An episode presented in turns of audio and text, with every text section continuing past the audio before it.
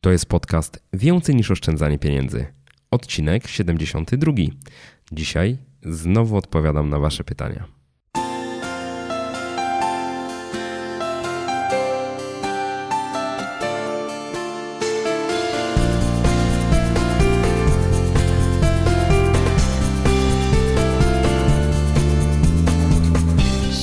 Cześć, dzień dobry. Witam Cię w 72. odcinku podcastu Więcej niż oszczędzanie pieniędzy.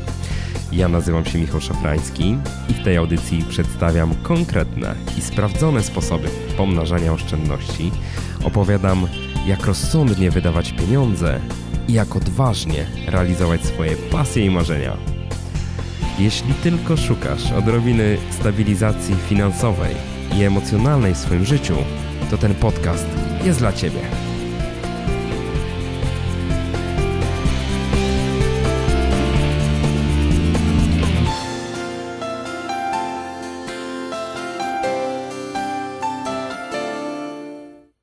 Dzień dobry, dzień dobry, dzień dobry. Wiecie, jakie podcasty najbardziej lubię? Takie, które mam już od dawna przygotowane. I takim odcinkiem jest właśnie ten, bo jest to kontynuacja sesji pytań i odpowiedzi z Yop Live Tour, z cyklu spotkań, który organizowałem na przełomie 2015 i 2016 roku. To jest już druga część nagrania tych pytań. Pierwsza była w 69 odcinku podcastu. No a dzisiaj po prostu odpowiadam na kolejne pytania uczestników tego cyklu spotkań. Przypominam również, że w Yop Tour wzięło udział prawie 2000 osób w pięciu miastach. Super atmosfera, super miejsce do spotkań. Ja troszeczkę opowiedziałem wtedy o planowaniu swojej emerytury, o tym, jak do tego podejść. No i po każdej takiej prezentacji była jeszcze około godzina pytań i odpowiedzi. Pytania były świetne, wybrałem te najlepsze. Jakość tutaj tego nagrania może się bardzo od siebie różnić w poszczególnych pytaniach, bo niektóre pytania były zadawane przez mikrofon, inne były zadawane bez mikrofonu. Starałem się wszędzie tam powtarzać te pytania, które były zadawane, tak żebyście mogli również je usłyszeć, zanim usłyszycie moją odpowiedź. Także nie przedłużam, serdecznie zapraszam do wysłuchania i życzę, życzę miłego słuchowiska. Cześć, Adam z tej strony. Cześć. Miło, miło, mi tu być, dzięki za spotkanie. Super, cieszę się, że jestem e, też. Czy moje pytanie może być związane z cofnięciem się w slajdach? Tak. To jest slajd, gdzie rozmawialiśmy o tym piątym etapie, gdzie zaczynamy myśleć o finansach i tam pojawiło się pojęcie związane z działalnością gospodarczą, którego troszeczkę nie zrozumiałem, a mi uciekło. Tak, środkowa linia, własna firma i skalowalny biznes. Tak. No trochę zacząłem myśleć o tym e, działalności. Dzisiaj trochę mi tutaj pobudziłeś w tym kierunku. Samo, jeżeli robię to, co robię na umowę i przejdę na działalność gospodarczą, czy tam na samozatrudnienie, to jaki jest zysk dla pracodawcy? To jest tak. Przede wszystkim to jest kwestia przeliczenia, bo wiesz, z perspektywy pracodawcy, zacznę od tego drugiego pytania, wrócimy do tego pierwszego. Z perspektywy pracodawcy to jest tak, że to nie jest tak, że on ci płaci pensję miesięczną jakąś. Tylko on ma określone ryzyka z tobą związane, że ty zachorujesz, że ty masz e, miesiąc urlopu w trakcie, kiedy u niego pracujesz. Czyli krótko mówiąc, jeden miesiąc w roku wypada, tak? Bo ty masz urlop. 20 dni roboczy, 25 to jest więcej niż miesiąc roboczy, tak? 20 dni ma miesiąc roboczy. Czyli krótko mówiąc, to są jakieś tam ryzyka. Jeżeli ty, jeszcze dygresja albo takie wprowadzenie. Samo zatrudnienie to jest taka forma, na którą nie da się łatwo przejść z pracodawcą, chociażby z tego względu, że prawo tego wprost zakazuje. To znaczy, jeżeli u kogoś pracowałeś na etacie, to nie możesz mu wystawiać. E, no właśnie, jak to jest? Płaci się większy ZUS. Płaci się większy ZUS, na, dokładnie. Na, na, pewno tak jest, że jak masz umowę o pracę, to nie, o... nie, możesz mhm. tej samej działalności w umowie o pracę wykonywać poza tą umową tak, i być tak, opłacanym to... osobno, bo dokładnie to jest ucieczka. Tak. Przepraszam, czyli o, dokładnie tak, czyli jakby nie możesz y, być zatrudniony w... Ale je... Dobra, nie chcę kręcić w tej chwili. Może ja to sprawdzę. Ale chodzi o rozwiązanie dotychczasowej umowy o pracy, z dniem X i z następnym dniem rozpoczęcie... Zawarcie, tak, bo to jest tak, ukryty tak. stosunek tak. pracy na etacie. No. Tak, ale tak. rozwiązujemy umowę o pracę, nie? Czyli tak. moim zdaniem to czysta sprawa, nie? Coś tam jest z tym fakturowaniem. Dobra, ale jakby nie jestem ekspertem w tej dziedzinie, więc nie będę się wypowiadał, musiałbym zerknąć gdzieś tam, nie? Więc yy, wracając. Dla pracodawcy to, że przyjmie od ciebie fakturę, to jest dużo mniejsze ryzyko niż to, że będzie ci musiał płacić na przykład w okresie wypowiedzenia, jeżeli ty pójdziesz na zwolnienie lekarskie, bo tobie się nie chce pracować i tak dalej, i tak dalej, i tak dalej. To są jakby zestaw, jest zestaw ryzyk związanych z etatem, że już nie wspomnę o ryzyku dla pracodawcy, jeżeli ty byś był kobietą, tak? Które jest ryzykiem, które jest poważnym ryzykiem w tym kraju, znaczy w każdym kraju jest, ale w, w, tym sensie, że w Polsce to jakoś pracodawcy w chory sposób do tego podchodzą też, nie? I to, to jakby trzeba, też trzeba mieć tego świadomość, nie? Że jakby napiętnowana jest ta kobieta, która rodzi dzieci po prostu. E, I trudno jest kobiecie wrócić do pracy. No więc ja uczciwie mówiąc, ja na przykład nie mam pracowników etatowych. Dla mnie jest bardzo wygodne to, że pracuję z osobami, które są przedsiębiorcami i rozumieją, jak działa biznes. Tak? Bo dla mnie ktoś, kto jest gotowy założyć własną firmę i ponieść ryzyko, że mu się nie uda, to jest osoba dużo bardziej wartościowa niż pracownik, który jest etatowcem. I mówię to zupełnie świadomie, dlatego że pracownik etatowy w większości przypadków nie ogarnia, jak funkcjonuje firma. Nie? A poza tym już, jakby wiesz, zupełnie czyste jest to, że to jest po prostu faktura i tyle. Tak? Jakby nie ma, jakby tu żadnej większej relacji nie ma. E, coś będzie źle, e, w sensie takim, że naprawdę będzie źle, pomimo dołożenia dobrej woli z obydwu stron, w sensie jednak coś się rozjedzie, efekty będą nie takie, jakie były oczekiwane czy uzgodnione, no to po prostu nie będziemy dalej współpracować. No co jest źle, jak e, z, z pracownikiem jest coś nie okej, okay, nie? A najgorszy jest taki pracownik, który wiesz, źle pracuje, źle pracuje, źle pracuje i nagle ma jakiś sukces. Taki jedna, jedna tam igła, nie? I później wiesz, ty się cieszysz, pracodawca nareszcie, uff, nareszcie coś z niego jest, po czym znowu gorszy okres, gorszy okres, gorszy okres, już w zasadzie rozmawiacie, dostaje ostatnią szansę, znowu igła, nie? I mówisz sobie, kurczę, no nie wiem, no taka szarpanina po prostu, nie? Więc wiadomo, że tego się nie chce mieć, no. Chcielibyśmy, żeby wszyscy super pracowali i tak dalej. Dobra, to to jeden wątek. Drugi wątek był taki, y, o co chodzi z tym skalowalnym biznesem, tak? Skalowalny biznes to jest taki biznes, który, podam przykład, gdybym żył z tego typu prelekcji, to ten biznes się nie skaluje. Dlatego, że w ciągu roku, w ciągu miesiąca, ile jestem w stanie zrobić takich prelekcji? 30, jeżeli bym robił je codziennie, powiedzmy, tak? 20, jeżeli robiłbym ten. Czyli teraz tak, załóżmy, że od każdego z Was, już dla uproszczenia rachunku, załóżmy, że od każdego z Was biorę złotówkę i 500 zł to kosztuje, bo tyle osób się zapisało tutaj, tak? Czyli 500 zł razy 20 to jest 10 tysięcy złotych. Mój biznes się nie skaluje. Gdybym chciał powiększyć swój biznes dwukrotnie albo trzykrotnie, musiałbym zatrudnić kogoś innego, kto by to prowadził, tak? Musiałbym mu zapłacić i co więcej, pewnie by większość osób nie przyszła, bo chcą przyjść dla mnie, a nie dla kogoś innego. Czyli to, taki biznes się nie skaluje. Myślenie o skalowalnym biznesie to jest coś takiego, że bez względu na to, znaczy inaczej, wkładamy nadal tą samą ilość pracy, a jednocześnie biznes nasz jest w stanie rosnąć istotnie. I oczywiście warto się posiłkować pracą innych ludzi. W pewnym momencie, jak budujemy sensowny biznes, to jest to nawet konieczne, tak? Żeby, bo to jest rachunek ekonomiczny. Jeżeli załóżmy, ja zarabiam rocznie inaczej, miesięcznie, jeżeli zarabiam 16 tysięcy złotych, załóżmy, tak? 160 godzin ma miesiąc, to ile, ile jest warta, ile jest warta e, moja godzina pracy? Nie? 160, 100 złotych, tak? Dobrze mówię? OK.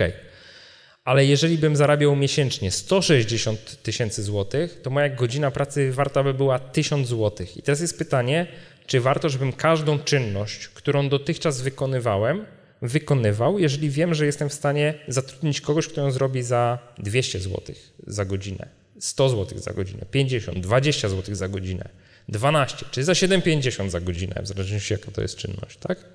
No nie ma sensu, tak?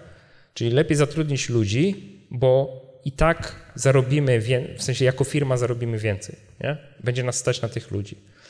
Czyli skalowalny biznes to jest taki, zobaczcie, mój biznes dzisiaj, jeżeli mówimy o czystym blogu, gdyby było tak, że na przykład ja uznaję, że to jest pisanie artykułów na bloga, to też skończoną ilość artykułów na bloga mogę napisać, nie? Miesięcznie. Jeszcze wena, choroba i w ogóle nie mogę napisać. Tak, ale zobacz, dzisiaj mam taki biznes, że płacicie mi de facto wy, korzystając z propozycji, które wam podsuwam pod nos różnych programów premiowych i tak dalej. I to jest biznes super skalowalny. Książka też jest biznesem super skalowalnym, o ile jesteśmy kumaci, nie damy się oskubać gdzieś po drodze, tak? Bo jak wydajecie z wydawcą, to zarobicie na tym e, grosze, nawet jeżeli sprzedaż będzie duża, nie? Jak wydajecie sami i jak panujecie nad całym procesem, możecie zarobić istotnie więcej. Możecie, ale to nie znaczy, że zarobicie, bo podejmujecie też ryzyko, nie? Bo nie będziecie mieli szerokiej dystrybucji. I to, to, to są takie decyzje, które się podejmuje, jeżeli myśli się o swoim biznesie, na przykład, czy wejść w jakąś działalność, tak?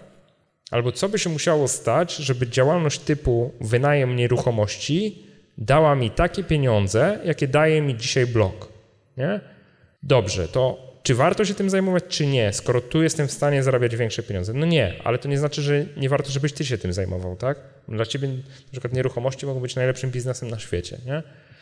Więc to jest zawsze kwestia wybrania i zrównoważenia. Dobra, chyba odpowiedziałem. Dwa pytania jeszcze damy zadać. E, Cześć Marcinie, z tej strony. E, Słuchaj, mam takie Cześć. pytanie, ponieważ z jednym się nie zgadzam podczas całego twojego wystąpienia. Stwierdziłeś, że e, wrogiem dla rozwoju, znaczy dla finansów osobistych i tak dalej jest rozwój technologii. No, argument na temat, że nie wiem, znikną, y, że tak powiem, kierowcy taksówek, no w ogóle jest nieudany. Tak samo można powiedzieć, że znikną y, kasjerzy, tak? Kasjerzy w bankach, bo byli bankomaci. To się nie dzieje od razu. Ja wręcz przeciwnie uważam, że no właśnie technologia pozwala właśnie trzymać te finanse osobiste jak najbardziej w ryzy.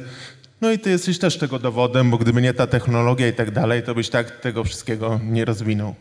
Zgadzam się z tobą. To znaczy, wiesz, to jest miecz obusieczny. To, to, to nie jest tak, że coś jest bezwzględnie dobre albo bezwzględnie złe. Chodzi mi tylko o to, że kluczowe jest to, żebyśmy potrafili bo ja to wymieniałem na tym slajdzie, który się nazywał e, makroekonomia i technologia, że generalnie to są rzeczy, świat się zmienia. Świat się zmienia bez względu na to, jak bardzo my się buntujemy bądź nie. I teraz albo potrafimy się zaadoptować do sytuacji, albo nie.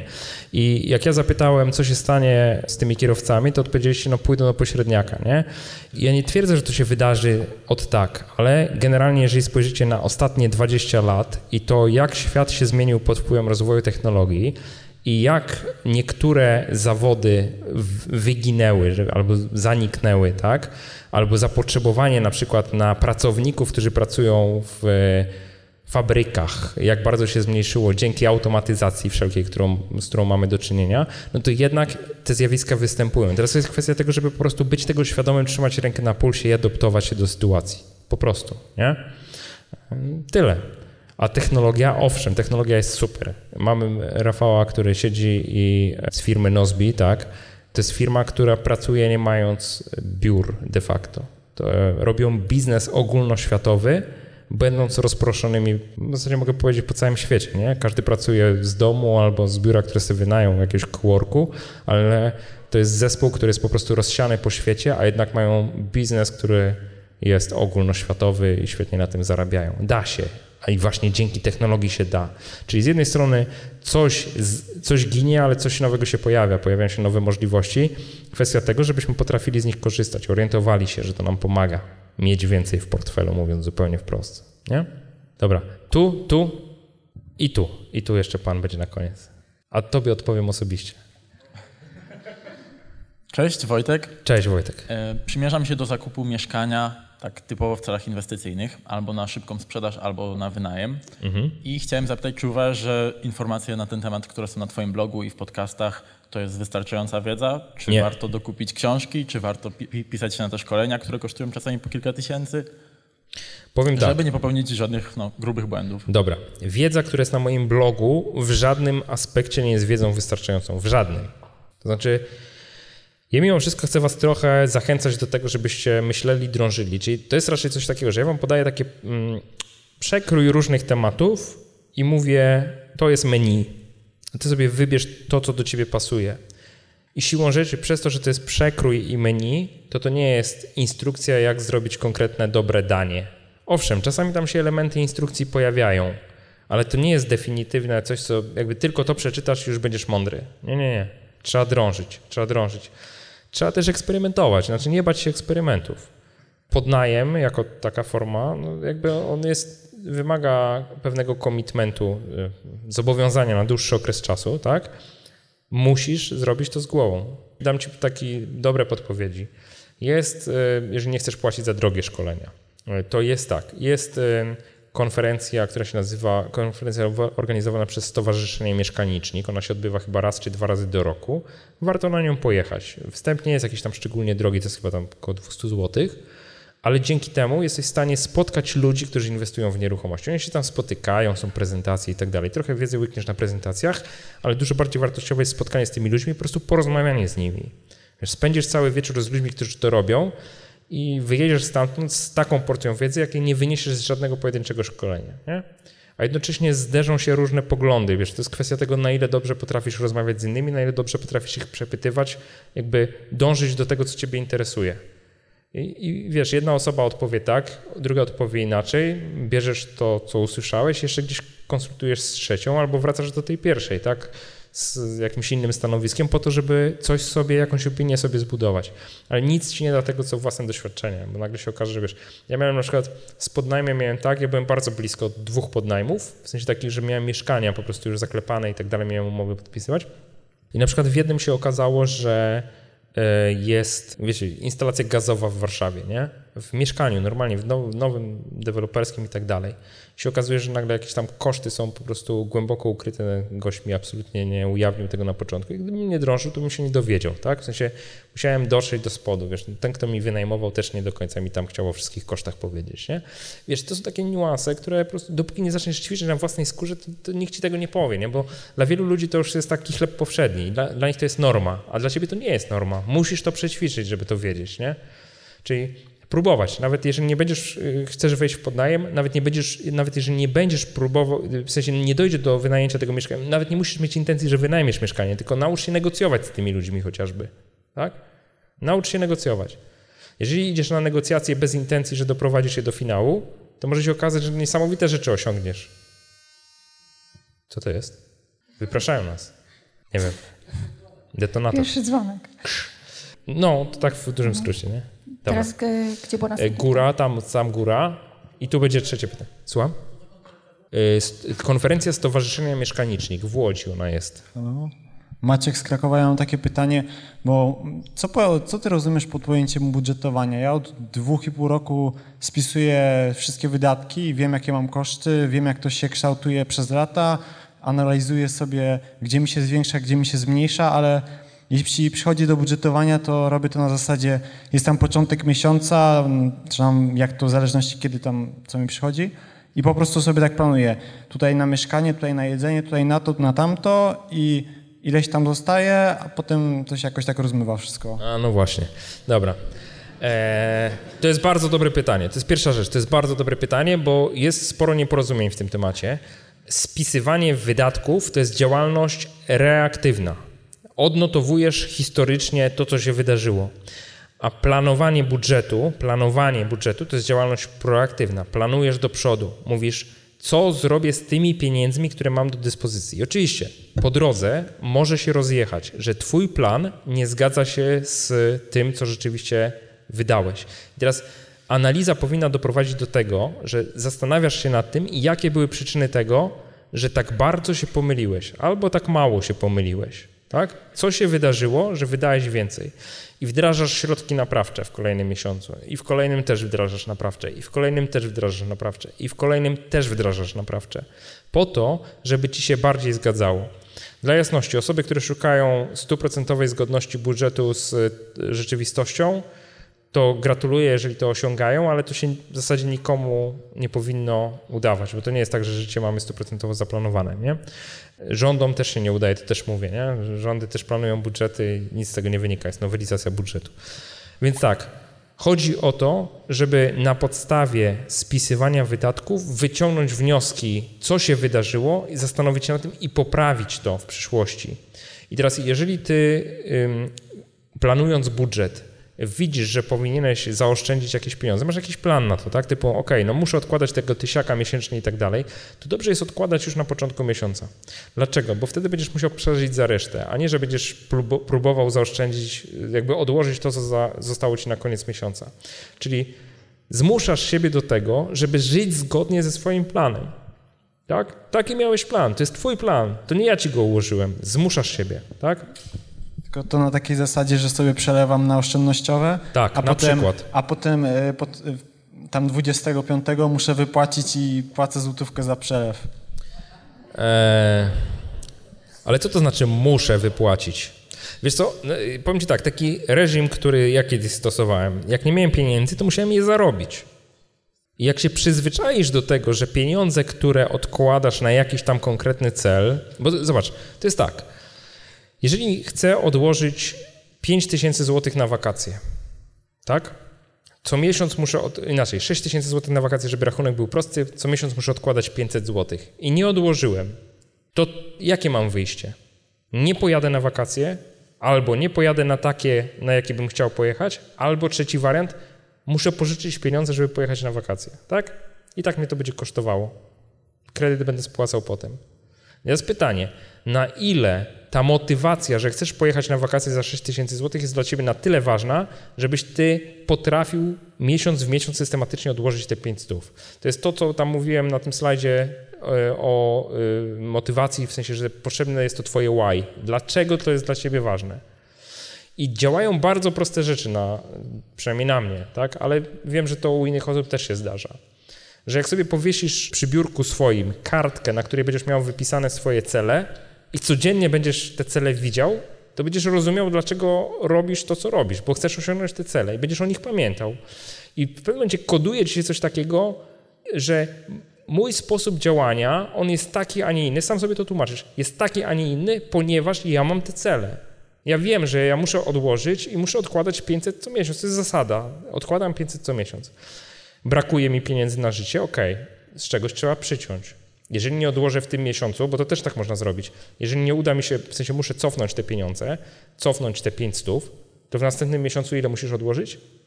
Więcej musisz odłożyć, nie? Za dwa miesiące musisz odłożyć, bo wycofałeś te 500, nie?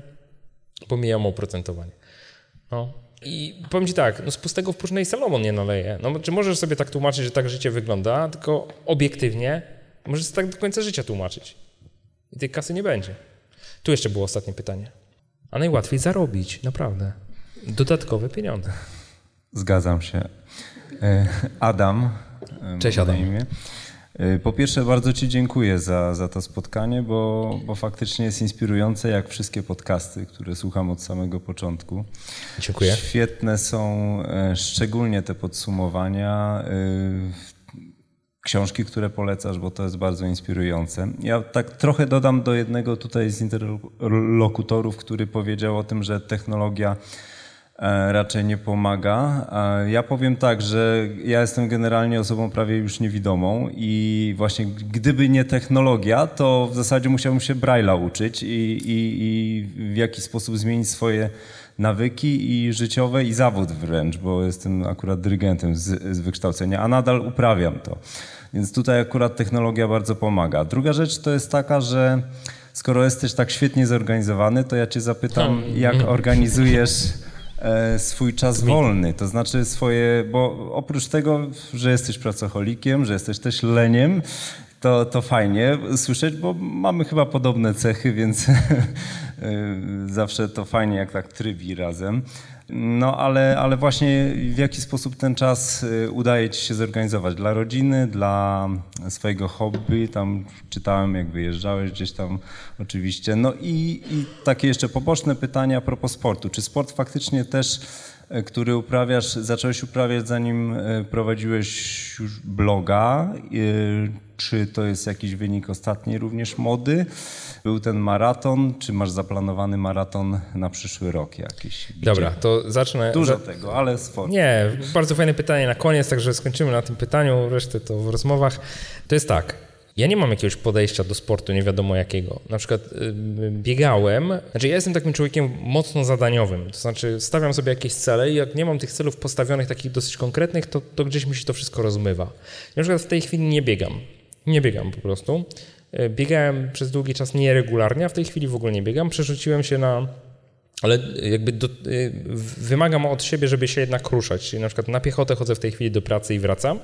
To jest 4 km dziennie. Czasem dojadę tam na rolkach, czasem dojadę jakoś inaczej, ale generalnie staram się nie zabierać samochodu absolutnie.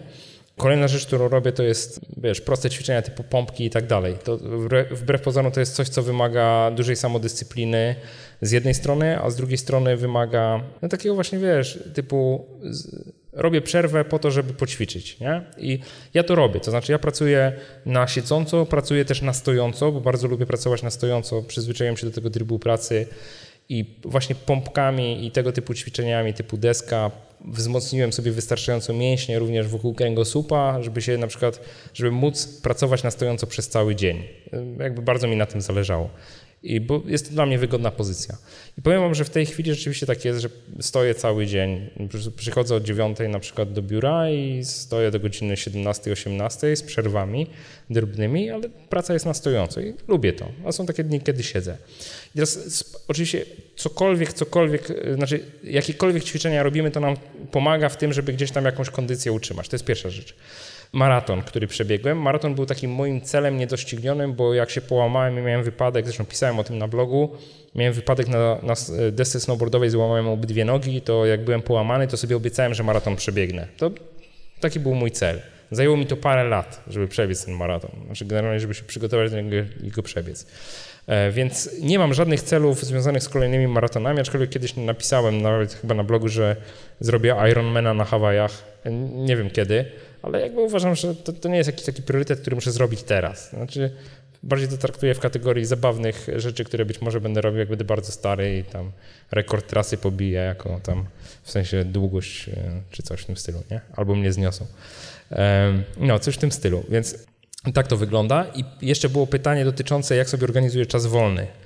Jestem osobą, która jest bardzo zorganizowana, czyli na przykład jak jedziemy na wakacje, to u mnie nie ma żadnej spontaniczności. I,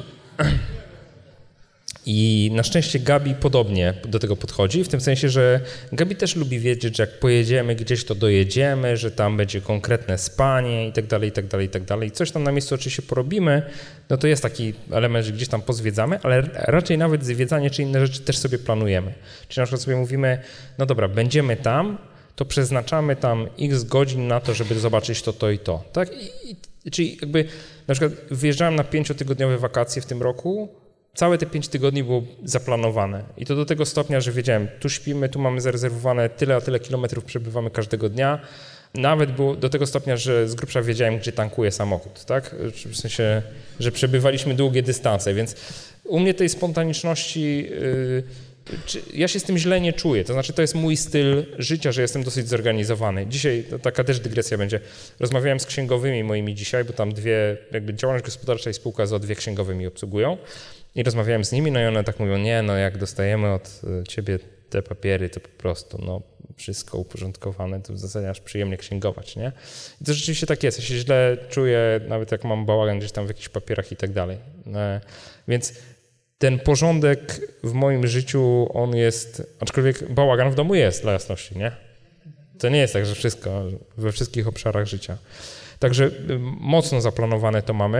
Mm, to czasami wiąże ręce, bo czasami bardzo trudno jest, na przykład wyobrażam sobie, że w dowolnym momencie mógłbym pojechać gdzieś, tak? Możemy z żoną wsiąść do samochodu i pojechać sobie, bo nie muszę, nie mam takiej pracy, która wymusza na mnie, żebym coś konkretnego dnia robił. A mimo to tego nie robimy. Tak? To w sensie żyjemy w sposób zaplanowany. I na przykład jak sobie planowaliśmy, że pojedziemy do Kazimierza, no to było wiadomo, prawda, można wsiąść w samochód, pojechać z Warszawy i wrócić jednego dnia, to było wiadomo tam z trzytygodniowym wyprzedzeniem, że pojedziemy konkretnego dnia, nie? No i to są takie, yy, tak, tak to wygląda, no więc to nie jest tak różowo. Dobra, słuchajcie, yy, 20 minut podobno tylko zostało. Słuchajcie, bardzo wam dziękuję w ogóle, że byliście, że wytrwaliście, to jest coś niesamowitego. E, było mi cholernie miło Was zobaczyć.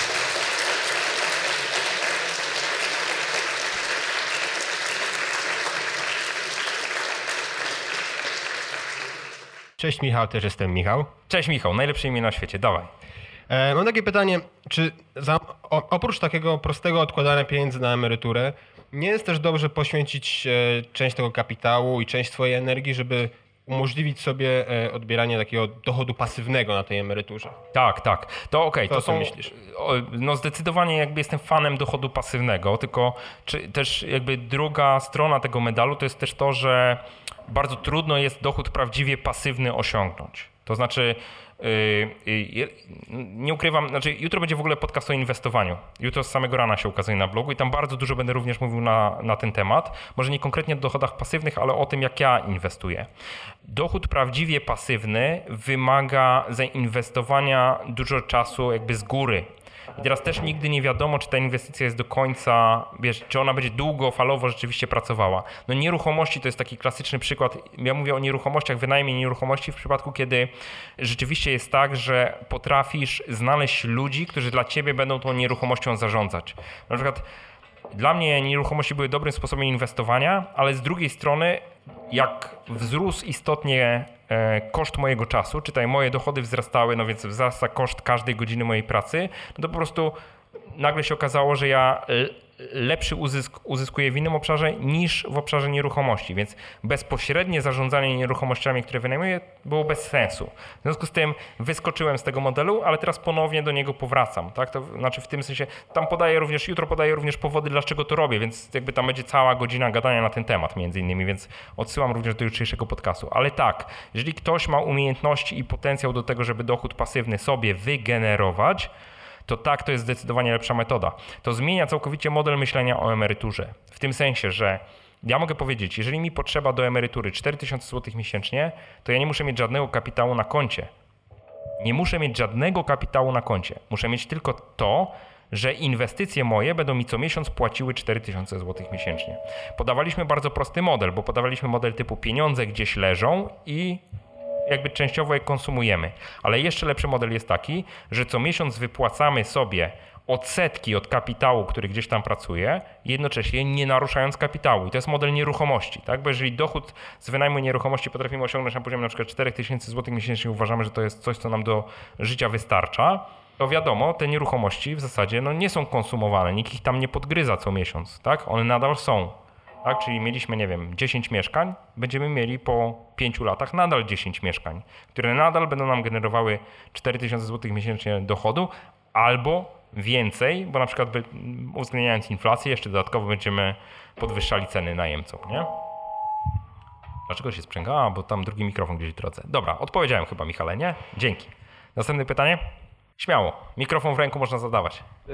Cześć Michał, jestem Łukasz. Cześć Łukasz. Chciałem ci zadać pytanie z perspektywy początkującego blogera, mhm. Y, bo y, od pewnego czasu też bloguję i zastanawiam się, jaki, jakiego procentu czasu twojej pracy na blogu nie widzimy. To znaczy widzimy wpisy, widzimy podcasty, ale zastanawiam się, y, jakie jeszcze, ile zajmują ci inne czynności okołoblogowe? 100% mojego czasu dzisiaj to jest blog. E, mówię zupełnie, znaczy w sensie czasu pracy, tak? Dzisiaj jest tak, że bardzo dużo czasu zajmuje mi obecność w mediach społecznościowych, pomimo, że ja nie jestem jakoś super obecny, w tym sensie, że ja tam publikuję tylko informacje, przypominam stare artykuły i tak dalej, i tak dalej, i tak dalej. W tej chwili już powoli po, korzystam z pomocy innych osób do tego, bo ja jestem taką osobą, która, która jest leniwa. Ja wiem, że to głupio brzmi, nie? Jak, widzicie efekty i tak ale mi jest bardzo trudno się zmobilizować do tego, żeby robić systematycznie taką głupią robotę. A głupią robotą dla mnie jest na przykład przypominanie o starych artykułach, o starych wpisach. A z drugiej strony wiem, że to przypominanie jest fajne, ponieważ jest bardzo dużo osób na Facebooku, na przykład, które jakby no, nigdy tego artykułu nie czytały. Czyli czemu, czemu tego nie zrobić? Czemu nie wyciągnąć dobrego artykułu, który jest nadal aktualny, a ja staram się pisać tak zwane evergreeny, czyli teksty, które są zawsze zielone, nie? Takie treści, które się nie dezaktualizują. Więc mogę wziąć artykuł sprzed dwóch lat i wrzucić go ponownie w media społecznościowe powiedzieć, zobaczcie, pisałem na ten temat, być może was zainteresuje. I to jest coś, co staram się być w tym systematyczny, ale bardzo ciężko mi to wychodzi. Znaczy, to codziennie trzeba to jakby zaplanować, tak, nie wiem, rano, po południu i tak dalej, żeby to sobie tam w tych mediach społecznościowych fruwało. Mamy Facebooka, Twittera, LinkedIna, tak, coś tam jeszcze, nie, Google Plusa, więc jakby dużo operacji do wykonania. Można to automatyzować w pewnym stopniu, w sensie ustawić to sobie w jakichś narzędziach typu buffer albo co-schedule, już tak mówiąc dla ciebie, ale nadal to jest robota manualna, którą się wykonuje. Ja mam taki bardzo duży dylemat zawsze, czy przeznaczyć tą, nie wiem, pół godziny, godzinę dziennie na social media, czy rzeczywiście poświęcić to na pisanie wpisów na bloga, czy tam przemyślenie, czy research w jakimś temacie.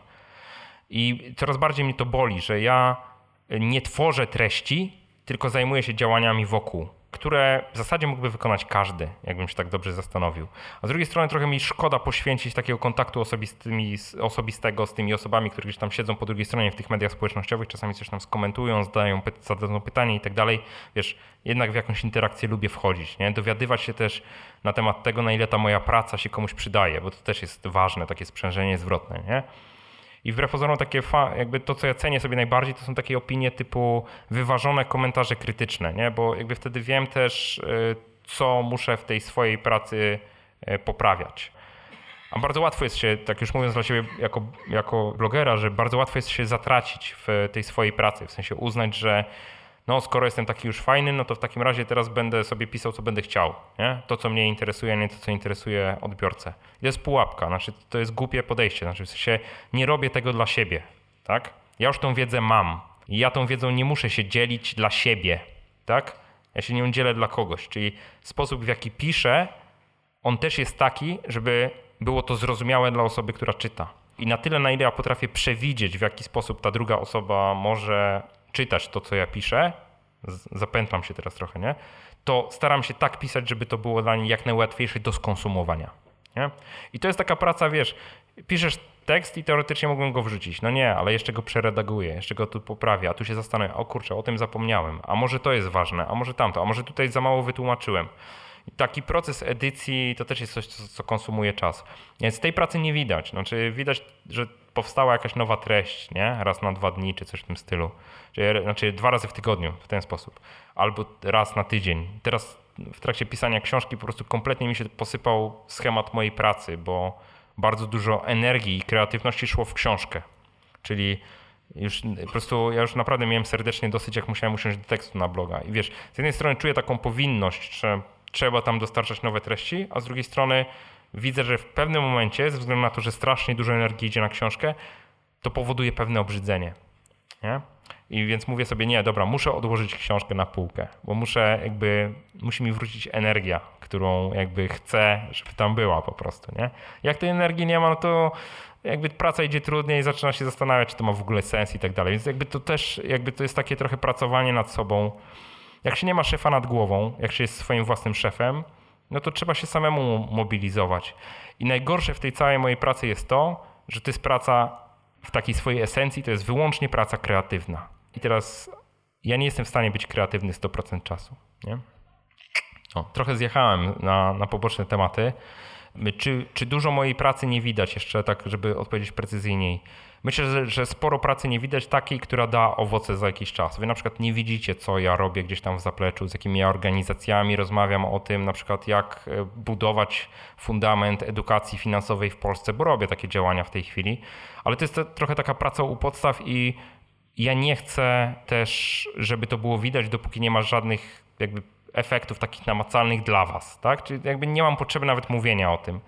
Jak wpuściłem w sieć zdjęcie z Leszkiem Balcerowiczem, bo się strasznie ucieszyłem i tak dalej, to e, jakby od razu było milion pytań, wiesz, tam na maila i w ogóle ludzie pytali, znaczy pytaliście po prostu, co z tego wynika, wiesz, co to będzie, kiedy to będzie i tak dalej. I w pewnym sensie tak, w którymś momencie mówię, kurczę, być może wcale nie trzeba było tego wrzucać, nie? W tym sensie, że wzbudzam pewne nadzieje i pewne oczekiwania, a po drodze się jeszcze bardzo dużo może wydarzyć i wysypać, nie? Więc yy, mam takie dylematy, nie? Nad iloma rzeczami pracuję, ich nie widać, nie? Się wydaje, że ten szafrański czasami być może gdzieś tam się obija w tle, a ja mam wrażenie, że jak kurczę po prostu zasuwam na okrągło, nie?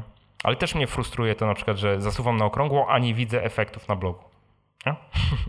Dobra, rozgadałem się tradycyjnie. E, jeszcze jakieś pytania? Ja w ogóle powiem tak, jeżeli ktoś z Was chce wychodzić czy coś, to śmiało wychodźcie. Tylko jeżeli byście chcieli wyjść, przybijając mi jednocześnie piątkę, to śmiało możecie podejść tu, przybić mi piątkę, jak ja gadam i wyjść. Nie, nie, w ogóle nie ma stresu, ja nikogo nie trzymam. Wojtek, dobrze pamiętam? Wojtek? Tak, tak, tak. Moment, coś mi tu spadło. Momencik. Wojtek jest taką osobą, wiecie co? Ja czasami, Wojtek, ty jesteś na Twitterze, nie? I piszesz do mnie często. Tak, tak. Z... Ostatnio. Ostatnio, ostatnio do mnie pisze. Ale to tak jest, że ja niektóre osoby znam z Twittera e, na przykład, bo jakby twarz tam jest, jest awatar i my sobie tam gadamy, nie? W sieci. I później podchodzą i nareszcie widzę na żywo, to jest fajnie. I mam taki, zanim zadasz pytanie, to skoment, dokończę komentarz. To jest tak, jak faceci podchodzą, to od razu ich poznaję z awatara. A jak kobiety podchodzą, to nigdy nie jestem w stanie poznać. Ale powiem wam, z czego to wynika, bo to już jest taka obserwacja, której dokonałem. Kobiety bardzo dbają o swoje zdjęcia profilowe. Bardzo. Dawaj Wojtek, pytanie. No więc tak, nazywam się Wojtek i mm, chciałem zapytać taką rzecz. W sumie nie, nie miałem w planach tego pytania, ale dzisiaj powiedziałeś coś takiego ciekawego, co mnie bardzo zainteresowało, że szkoła stawia na słabe obszary, a nie na e, rozwój tych silnych obszarów e, u swoich uczniów. Mhm. I w związku z tym mam do Ciebie takie pytanie, czy Ty masz w planach przestać wysyłać swoje dzieci do szkoły?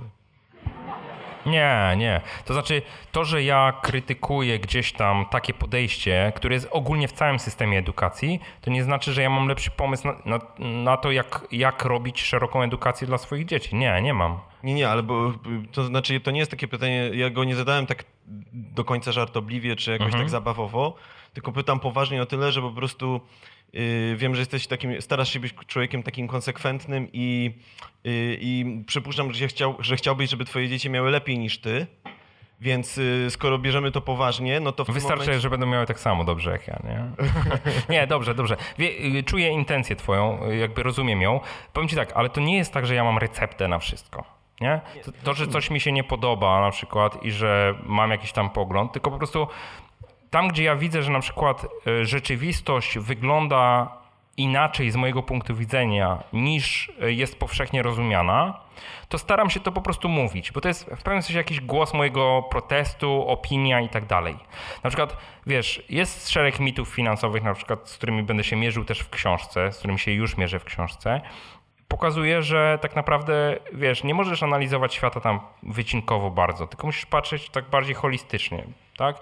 I na przykład, to, to jest ten przykład, który podawałem, że my siedzimy, analizujemy ceny e, usług tele, jakby przy, w telefonii komórkowej i stanawia- zastanawiamy się, jak przyciąć 15 zł, to ci powiem, machnij na to ręką, poświęć ten sam czas na to, żeby się nauczyć czytać umowy kredytowe, bo przynajmniej jeden kredyt w życiu będziesz brał i jak weźmiesz ten kredyt hipoteczny na dobrych warunkach, budując sobie e, wcześniej wiarygodność kredytową i tak dalej i dbając o to, żeby go wziąć na dobrych warunkach, to zaoszczędzisz dużo, dużo więcej niż skala oszczędności na telefonii komórkowej przez całe twoje życie. Ja przejaskrawiam w tej chwili, ale pokazuję też, że wiesz, my często przykładamy i teraz Wiesz, to jest taki mój krzyk trochę, nie? Wołanie na puszczy typu hello, zbudźcie się. I teraz jak mam dobre przykłady, to je pokazuję i te przykłady wtedy działają na wyobraźnię, bo one są obrazowe, jakby wiadomo o czym ja mówię, nie? A w przypadku takiego systemu edukacji to tylko widzę, że coś jest nie halo, tak? Wychodzą ludzie, którzy często są sfrustrowani. W sensie, na przykład moje dzieci, jak dzisiaj patrzę, no córka jest na przykład sfrustrowana tym, że nie wiem, jakiś nauczyciel się na nią uwziął i tak dalej. I system edukacji, on się sam nie czyści. Znaczy w tym sensie, że mm, jakby nie ma czegoś takiego, że jeżeli dziecko jest świetne w jakichś tam obszarach, to jest wyłapywane i na przykład popychane bardziej w tym kierunku, wiesz.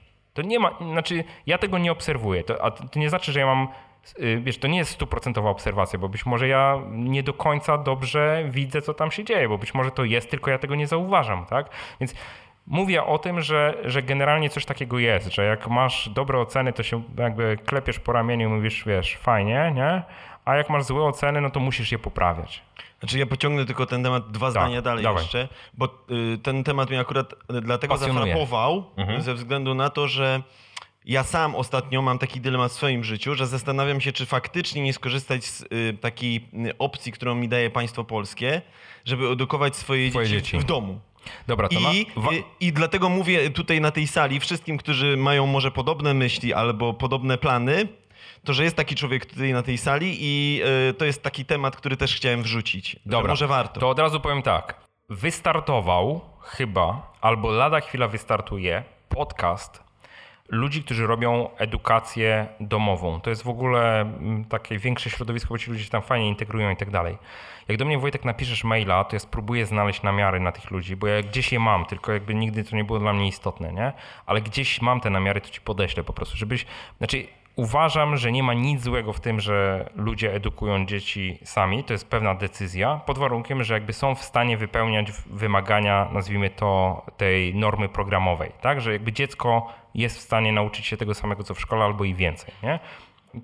Jakby Bardzo często więcej. To. Tak, bardzo często więcej. Bardzo często. Często praktyczniej, bo to też tak jest, nie? że to nie jest jakaś wiedza mm, taka zdobywana na zasadzie teoretycznej, tylko też praktyczne podejście, no bo rodzic potrafi tam różne rzeczy zaobserwować i korygować.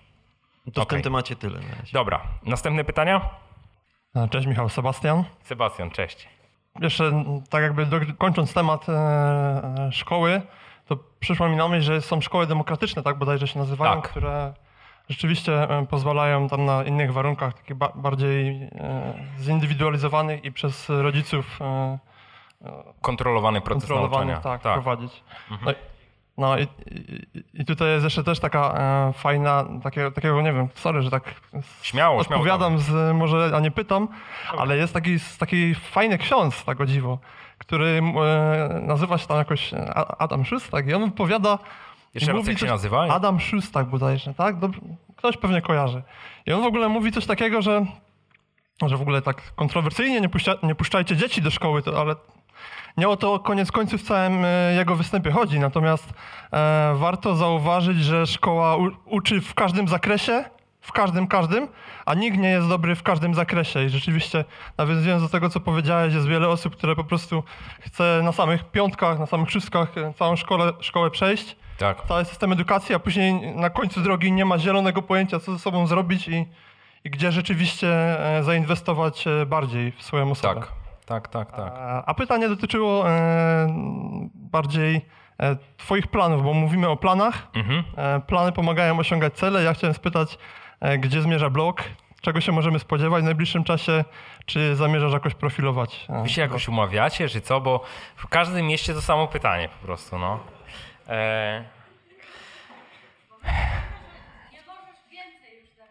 Mogę, mogę, mogę, mogę, mogę. Dobra, to coś wam pokażę. Coś wam pokażę takiego konkretnego, tylko muszę tutaj kliknąć w odpowiednim miejscu, żebyście nie zobaczyli za dużo. O, ale nie, nie, to, to jest taki, to jest taki ten. e, To jest Nozbi, tak? Taka aplikacja. I tutaj jest e, taki, tu, tu są moje projekty, którymi ja się zajmuję i to jest taki temat, który, projekt, który się nazywa blok artykuły. To są pomysły na artykuły, nie? To tutaj jest taki znak nieskończoności, widzicie to? Bo to, to oznacza, że w danym projekcie jest więcej niż 99 zadań, tak? I u mnie jest tutaj 396 pomysłów na artykuły. Tak? To są pomysły. Przez ostatnie 3,5 roku prowadzenia bloga napisałem chyba około 300 artykułów, czyli tutaj jest pomysłów na następne 3 lata. Nie? To tak a propos pomysłów, bo niektórzy mówią, jak to możliwe w tematyce oszczędzania, to w zasadzie już wyczerpałeś temat i to jest niemożliwe. Ja mówię, tematyka oszczędzania jest tak obszerna, albo ogólnie finansów osobistych, że tam tych tematów po prostu to jest kopalnia. I teraz im dalej w las, tym więcej drzew, bo bardzo dużo propozycji tematów wy mi też podsyłacie i ja je wszystkie sobie tu wrzucam na tą listę. Nie? Czyli jakby to jest coś takiego, że kiedyś tam dojrzeję do napisania tego konkretnego wpisu. Mówiąc bardziej tak z, znowu z lotu ptaka, z większej wysokości, to y, dla mnie najważniejszym tematem na końcówkę 2015 roku była książka. I niestety nie udało się jej skończyć w 2015 roku, to się przesunęło na pierwszą połowę 2016 i y, muszę wypuścić książkę, wypuszczę ją, bo ona jest też fundamentem do paru innych rzeczy, które ja chcę robić. Przede wszystkim to jest pierwsza książka z serii książek, y, którą ja zamierzam napisać, dlatego też jest dla mnie taka ważna i też trochę tak jest, że ją piszę, e, po czym przekonuję się, jakby sam sobie, y, sam się przekonuję do tego, że część z materiału, który już napisałem, to w zasadzie powinna być do kolejnej książki dopiero. Czyli to jest tak trochę, że ja piszę w tej chwili jakby trzy książki. Nie, E, nie chcę powiedzieć, że materiału jest na trzy książki, ale, ale generalnie proces jest dosyć złożony. Popełniłem błędów trochę, już wam o tym mówiłem też w podcaście i tak dalej, jeżeli chodzi o podejście i planowanie tego wszystkiego, no ale cały czas się uczę. Więc książka to jest pierwsza rzecz, która wyjdzie. Później y, druga rzecz, którą chcę zrobić w tym roku, to jest elementarz inwestora, druga część, którą byśmy chcieli ze Zbyszkiem razem zrobić w drugiej połowie roku, jako taki duży projekt. I kolejna rzecz, która prawdopodobnie znowu będzie to trwało rok, czyli zaczęlibyśmy w drugiej połowie roku i skończylibyśmy w połowie 2017 roku. Dzieją się tam jakieś projekty, które są w tle. Zdjęcie z Balcerowiczem było nie bez powodu. E, nic z tego nie zobaczycie w 2016 roku, to jest Dzięki. E, e, nic z tego nie zobaczycie w 2016 roku, to będzie dopiero 2017 rok. I dzieją się też jakieś projekty w obszarze edukacji finansowej szerszej, ale to jakby za wcześnie, żeby w ogóle mówić. I ja mam jeszcze jeden obszar, którym bardzo bym się chciał zająć. To znaczy, to jest taki obszar, żeby mówić Wam trochę więcej o przedsiębiorczości, czyli pokazywać również jak wyglądają realia działalności gospodarczej jak można działalność, na działalność gospodarczą przechodzić, jak ją można optymalizować, gdzie tam są pieniądze, gdzie tych pieniędzy nie ma. I na co zwracać uwagę, jak to robić mądrzej z głową, żeby nie popłynąć, tak? I to jest taki obszar, przy którym ja się zastanawiałem bardzo poważnie, nadal się zastanawiam, czy odpalać oddzielny blok, czy robić to w ramach jak oszczędzać pieniądze.pl. E, raczej się to skończy tym, że to będzie jeden projekt. Być może przemaluję jak oszczędzać pieniądze.pl na jakąś inną nazwę. Jeszcze nie wiem. Nie, jakby nie mam konkretnych planów. Nie mam też niczego, co by mnie zmuszało do tego, żeby się z tym w jakikolwiek sposób śpieszyć. Ja to chcę po prostu zrobić dobrze. Ale marzy mi się, żeby zrobić to po wakacjach. Żeby zacząć po wakacjach tematykę dla przedsiębiorców również, bardzo praktyczną. E, również z przykładami przedsiębiorców, którzy są tacy jak my, nazwijmy to. Są jednoosobowi, a jednocześnie będą mogli fajną wiedzę przekazać. I to jest coś, co się, y, mówię, być może wydarzy w drugiej połowie roku, bardzo bym chciał, a być może się przesunie dopiero na początek 2017. Wszystko zależy od tego, kiedy skończę tę koszmarną książkę. I jak ją skończę i wypuszczę, to będę przystępował do następnych rzeczy. Po prostu nie chcę sobie za dużo na głowę brać. Na pewno będę chciał też w tym roku trochę jeszcze pojeździć i powystępować. Prawie mam przyklepane, znaczy mm, w sensie ja nie potwierdziłem, ale mam zaproszenie na InfoShare do Gdańska znowu, to będzie w e, maju w tym roku, tak. Później na pewno będę występował na Blog Conference Poznań. To jest konferencja blogowa, ale ona jest otwarta. Każdy, kto prowadzi bloga, może się tam dostać. To jest dosyć duże wydarzenie. To nie jest tak, że tam jakoś filtrują bardzo uczestników. I to będzie w, w czerwcu. I pewnie znowu pojadę gdzieś tam na New Media Europe, czyli konferencję zagraniczną w drugiej połowie roku, gdzieś tam wrzesień e, najprawdopodobniej. I myślę, że na, jakby chciałbym się do tego ograniczyć, oczywiście organizując również być może i Live, czyli te małe, spotka mniejsze spotkania niż takie duże, ale organizując je również w drugiej połowie roku, tak żeby mieć z Wami jakiś bezpośredni kontakt, nie? To tak w dużym uproszczeniu. Odpowiedziałem na pytanie? Chyba odpowiedziałem, nie?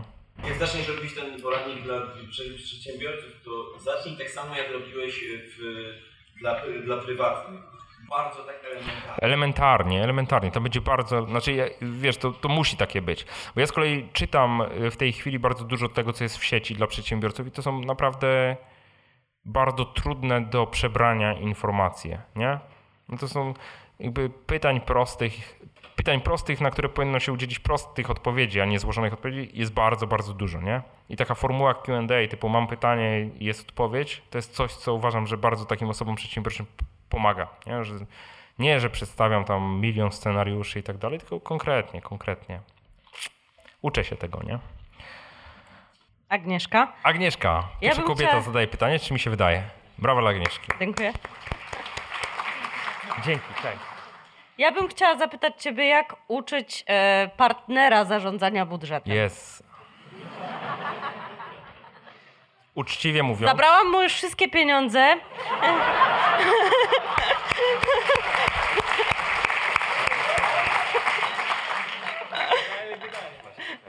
I dalej jest skądś bierze i mówi, że mam mu oddać.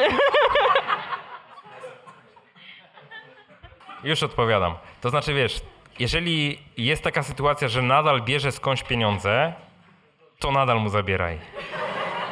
To jest pierwsza rzecz. Nie, ale na poważnie. To jest najtrudniejszy temat, jaki jest w finansach osobistych, że masz partnera, który w pewnym sensie jest niedopasowany do ciebie, jeżeli chodzi o priorytety finansowe, sposób działania i tak dalej. I teraz ja nie mówię, że masz zmienić partnera, absolutnie. Nie, tylko chodzi o to, że trzeba sobie uświadamiać, że tak, że tak jest i też osoby, które wchodzą w związek, ogólnie to jest taki apel do wszystkich, patrzcie na sytuację waszego partnera i teraz trochę będę straszył. Mam bardzo dużo takich przypadków osób, które po prostu dowiadują się na przykład o długach swojego partnera dopiero w momencie, kiedy nie ma już drogi odwrotu. Czyli na przykład kobieta wychodzi za mąż, jest w ciąży i partner w przypływie szczerości ujawnia wtedy że w zasadzie to tutaj trzeba coś zrobić, bo skoro będzie dziecko, to koszty będą wyższe, on na to nie jest gotowy, nie? Różne, przeróżne sytuacje, naprawdę. I y, my czasami y, w życiu, ja i tak Agnieszka, Agnieszka, dobrze mówię? Agnieszka. Agnieszka, ja tak jakby gratuluję tego, że ty jakby jesteś osobą zdecydowaną, w sensie, że podejmujesz jakieś kroki, które jakby mają tą sytuację naprawić, nie? Za chwilę powiem, co ja bym jeszcze robił, ale to za chwilę rozwinę. Ale przede wszystkim nie, nie można ignorować sytuacji w tym sensie, że jeżeli widzicie jakiś problem, to reagujcie. To jest pierwsza rzecz. Druga rzecz, nie oczekujcie, że inne osoby same z siebie będą działały tak samo jak wy. Jeżeli wy jesteście osobami rozsądnymi finansowo, to nie znaczy, że wasz partner będzie, czy partnerka będzie osobą rozsądną finansowo. I jeżeli tego nie oczekujecie, to potraficie też jakby przyjrzeć się sytuacji, bo spodziewacie się, że mogą jakieś problemy wyniknąć. Wiele osób ignoruje w ogóle wszelkie oznaki, czyli jakby zakłada, że ja za, zarządzam swoją kasą, on zarządza swoją, coś tam mamy wspólnego i jakoś to się będzie kręciło. Różnie z tym bywa. Teraz wracając. Jedyny scenariusz, który działa, który może zadziałać, to nie jest tak, że działa, to jest taki, że to jest scenariusz pozytywny, że ty pokazujesz, jak jest, jakby w jaki sposób ty zarządzasz swoimi pieniędzmi. On może być tym niezainteresowany, ale można pokazywać również przez efekty. To znaczy, zobacz stary, uzbieraliśmy, uzbierałam kasę na wakacje, tak? Bo działałam w taki taki sposób, nie? Zabierz go na te wakacje, tak? Nawet mu zapłać za wakacje, wiesz? Znaczy, bez przesady z tym dosłownym braniem moich porad, nie? Trochę wyolbrzymiam, ale chodzi o to, że czasami jest tak, że druga osoba nie ma żadnych oszczędności, bo wydaje wszystko na bieżąco, a ty pokazujesz, że można mieć na przykład zarabiać mniej, tak? Oszczęd, jakby mieć pieniądze na wszystko, że ciebie stać na wszystko, tylko ty nie potrzebujesz, to znowu ten manifest u mnie na blogu, nie potrzebujesz wszystkiego mieć. Ty przeznaczasz pieniądze na to, co jest dla ciebie istotne. I taki pozytywny przykład, typu, że jak ty siadasz do robienia budżetu domowego, to nie chowasz się u siebie gdzieś tam, wiesz, po kątach albo robisz jak go nie ma, tylko dokładnie robisz wtedy, kiedy on jest, czyli rozkładasz papiery na całym stole i tam sobie coś planujesz. I on nie musi wiedzieć, co ty robisz, nie? Ale wiesz, samo to, że widzi, że ktoś tu planuje, panuje nad finansami, tak? to jest taki pozytywny przykład. I powiem ci tak, kropla drąży skałę. To jest z jednej strony, albo, albo się to uda, albo się twoja cierpliwość skończy, no, jakby wiesz, nie? Albo, no nie wiem, no. Różne są scenariusze. Ja na, na szczęście jestem na tyle jakby szczęśliwą osobą, że mam osobę obok siebie, która jest kompletnie do mnie dopasowana finansowo. Znaczy obydwoje jesteśmy oszczędni, jakby mamy podobne priorytety, e, jeżeli chodzi o finanse, wręcz Gabi jest jakby osobą dużo bardziej oszczędną ode mnie, tak? w sensie takim, że bardzo restrykcyjnie tam podchodzi do różnych wydatków, a to ja jestem ten szalony w związku, nie? No. Śmiało. Ja może nie pytanie, ale takie poparcie twoich słów, tego co powiedziałeś, że to działa. Mhm, bo dawaj, u śmiało. nas była właśnie podobna sytuacja, a właśnie Ania w ogóle. Ania. u nas była podobna sytuacja, w sensie mój mąż, tutaj siedzący, e, był raczej oszczędny. E, Dla przykładu na nasz ślub oszczędzał od komunii. Super.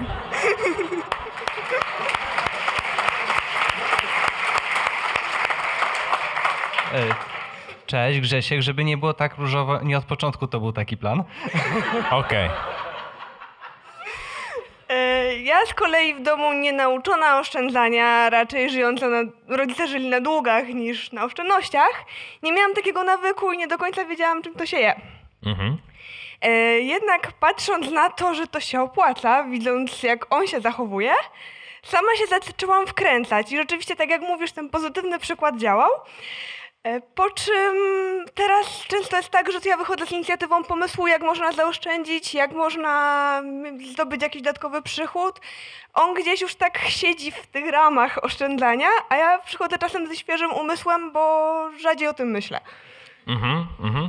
Ale to jest bardzo działa. dobre, bo y, super. Po pierwsze, Aniu, dzięki w ogóle za to, że wstałaś i to powiedziałaś, bo to przyznać się do tego, że się jakoś tam działało i ten to wcale nie jest takie łatwe często, a zwłaszcza przed publiką.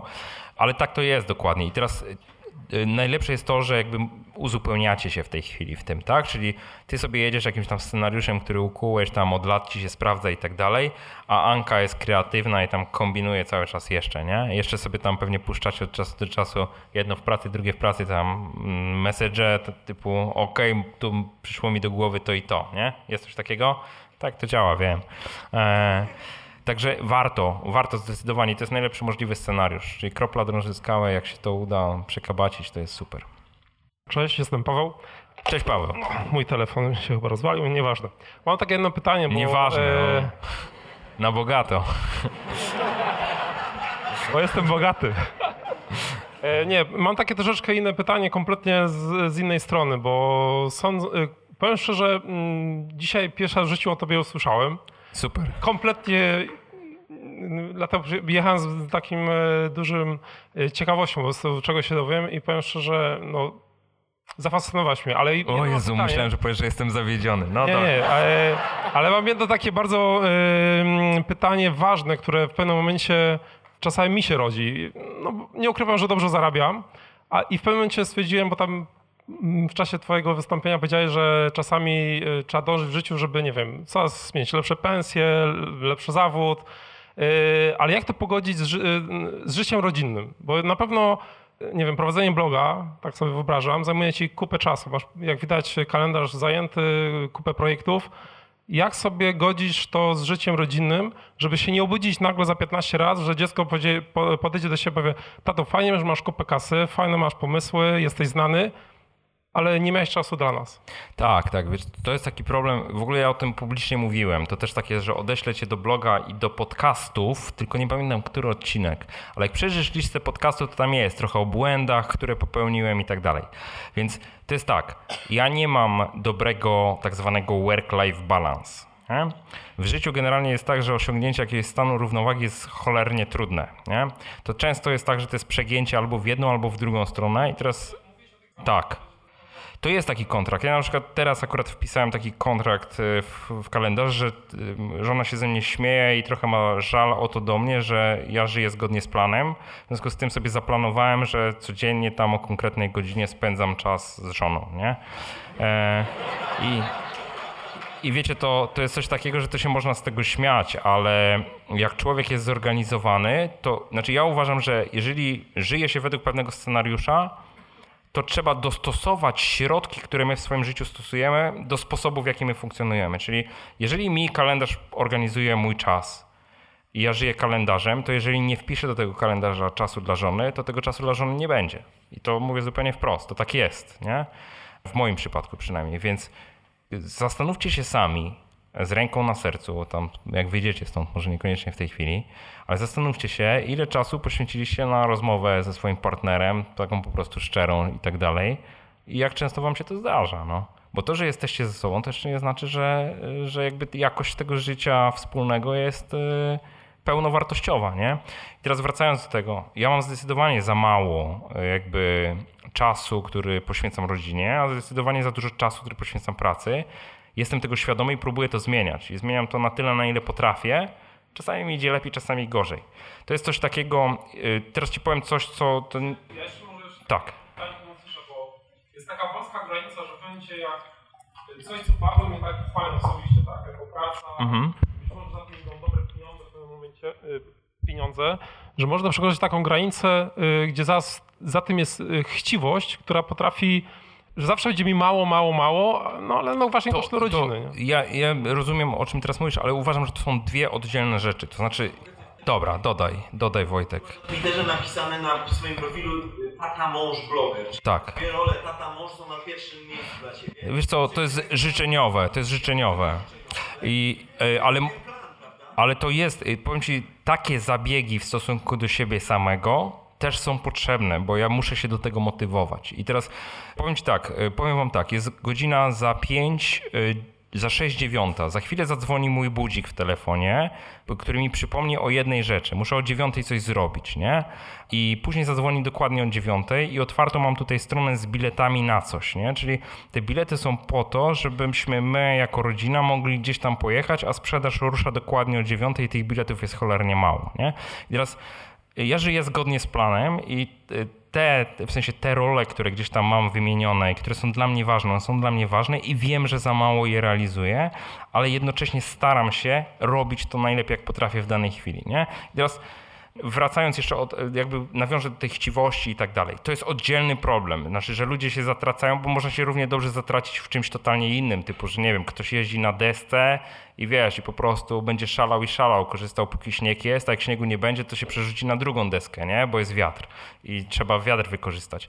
Wiesz, w różnych rzeczach człowiek się może zatracać i jakby trzeba dążyć do tej równowagi. Z jednej książki, nie pamiętam z której, nie potrafię tego powiedzieć, ale bardzo to u mnie za, jakby zarezonowało, było takie stwierdzenie, że my próbujemy dążyć do równowagi w życiu. I to jakby nie ma, zakładając, że jest taka prosta linia, która oznacza równowaga w życiu między pracą a sferą prywatną, to osiągnięcie stanu równowagi, powiedzmy, dla niektórych jest możliwe, ale w większości przypadków jest niemożliwe. To jest taka sinusoida. Czasami trochę w tą, czasami trochę w tą.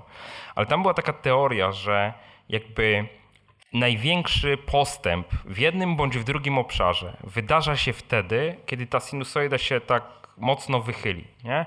Tylko żeby zrównoważyć to, to za chwilę się musi wychylić w drugą stronę, bo inaczej ci się życie posypie. Jeżeli prze, jakby przegniesz w jedną stronę, to za chwilę musisz to skompensować. Czyli jeżeli przeginamy w kierunku pracy, to trzeba to skompensować jakby byciem więcej w życiu prywatnym. Nie wiem, gdzieś wyjechać wspólnie, wiesz, poświęcić ten czas. Problem, który ja mam i który widzę ogólnie wszędzie, to jest taki, że My jesteśmy niewolnikami komórek, bardzo wiele osób, zwłaszcza takich osób, które żyją w internecie i czas spędzany z rodziną nie jest czasem jakościowym, to znaczy wiesz, siedzimy, niby jesteśmy tu z dzieckiem, ale tak naprawdę tutaj scrollujemy te maile albo coś tam, nie? I ja się z tego leczę, to znaczy ja staram się jednak mimo wszystko, wiesz, tą komórkę, na przykład to jest bardzo prosty zabieg, typu, że jak idziesz z sypialni do salonu w domu, to zostawiasz komórkę w sypialni, tak? Niech ona sobie tam leży. W salonie jestem z rodziną, tak? Wiesz, czasem mi się udaje, w większości przypadków mi się nie udaje, ale staram się zwracać na to uwagę. I ja nie mam recepty. To znaczy, to, to, to, to, wiesz, to każdy ma jakiś tam swój sposób na to. To, co ja robię, to staram się dzielić tymi moimi przemyśleniami na ten temat od czasu do czasu. Podcast mi się bardzo do tego przydaje, bo wtedy rzeczywiście mówię z serca i jakby tam całkiem konkretne rzeczy mogę przekazać, nie? Takimi, jakimi są, bez tam jakiegoś fałszowania, bo jak piszę tekst, to on jest zawsze przeredagowany. Jak nagrywam podcast, to zazwyczaj robię sobie jakieś notatki wcześniej, ale generalnie mówię na temat, nie? Tak jak teraz do ciebie mówię, więc y, jakby łatwiej mi jest y, jakby mówiąc też jestem w stanie jakby dokumentować to, co mówię, więc jakby mało jest dygresji i tak dalej, i tak dalej. Gdzieś tam się poruszam w e, konkretnym kierunku. To tak w dużym skrócie. Mam nadzieję, że odpowiedziałem. Dzięki. Fajnie, podobało mi się, że nie jesteś zawiedziony. No i to tyle materiału w tej drugiej części sesji pytań i odpowiedzi z e, cyklu spotkań Yop Live Tour. Myślę, że mam jeszcze materiał na jeden taki odcinek nagrany. Zobaczymy, ile się jeszcze tego zbiera. A teraz, jeśli dobrze liczę, to mamy 7 marca, w momencie, kiedy ten odcinek się ukazuje, czyli jutro będzie Dzień Kobiet. I z tej okazji wszystkim paniom, które słuchają tego odcinka podcastu, wszystkim dziewczynom, chcę życzyć wszystkiego absolutnie co najlepsze. Dużo wytrwałości dla Was, dużo siły, dużo tego, co macie, czyli takiego ciepła dla nas facetów, którzy są różni, przeróżniści. No właśnie, zastanawiam się teraz, na ile to, co mówię, jest y, ogólną zasadą, a na ile jest szczególną zasadą, która gdzieś tam funkcjonuje pomiędzy mną i Gabi. Także może powiem po prostu do Gabi, Gabciu, bardzo mocno, bardzo Ci dziękuję za to wsparcie, którym dla mnie jesteś, za to, że jesteś też takim elementem pionizującym w moim życiu, że potrafisz gdzieś tam walnąć mnie swoim słowem między oczy wtedy, kiedy trzeba i kiedy mi się należy, że pomagasz mi się po prostu stawać coraz lepszym człowiekiem. I to jest coś, za co Ci po pierwsze bardzo mocno dziękuję, a po drugie chcę Ci powiedzieć, że strasznie mocno Cię kocham i ja piórkuję. No, brak mi słów po prostu. Dzięki, że jesteś. Dziękuję Ci bardzo. Jesteś największą, jedyną i w ogóle cudowną, wspaniałą osobą e, i miłością mojego życia. Fajnie to powiedzieć publicznie. Ach jo. Co tam jeszcze mam do Was? Y, no oczywiście przypominam też y, w całej tutaj słuchającej ekipie i tym kil kilkudziesięciu, być może tysiącom osób, które usłyszą ten odcinek, że wszystkie notatki do tego odcinka podcastu, a także transkrypt wszystkich tych pytań i odpowiedzi, które były przed chwilą wypowiedziane, znajdziecie pod adresem jakoszczędzaćpieniądze.pl ukośnik 072, tak jak 72 odcinek podcastu. A ja się już teraz będę żegnał. Dziękuję Ci ślicznie za, za ten wspólnie spędzony czas, gdziekolwiek jesteś. Jeśli masz ochotę, jeśli chcesz, e, to zachęcam do skomentowania tego odcinka. Jeżeli macie dodatkowe pytania, zachęcam do ich zadawania również. Od czasu do czasu takie odcinki z pytaniami, odpowiedziami również będę nagrywał. Także to nie koniec. Teraz to już chyba tylko życzę Ci skutecznego przenoszenia Twoich celów finansowych na wyższy poziom. Trzymaj się, do usłyszenia i faceci dobrze spędźcie te dni z Waszymi kobietami.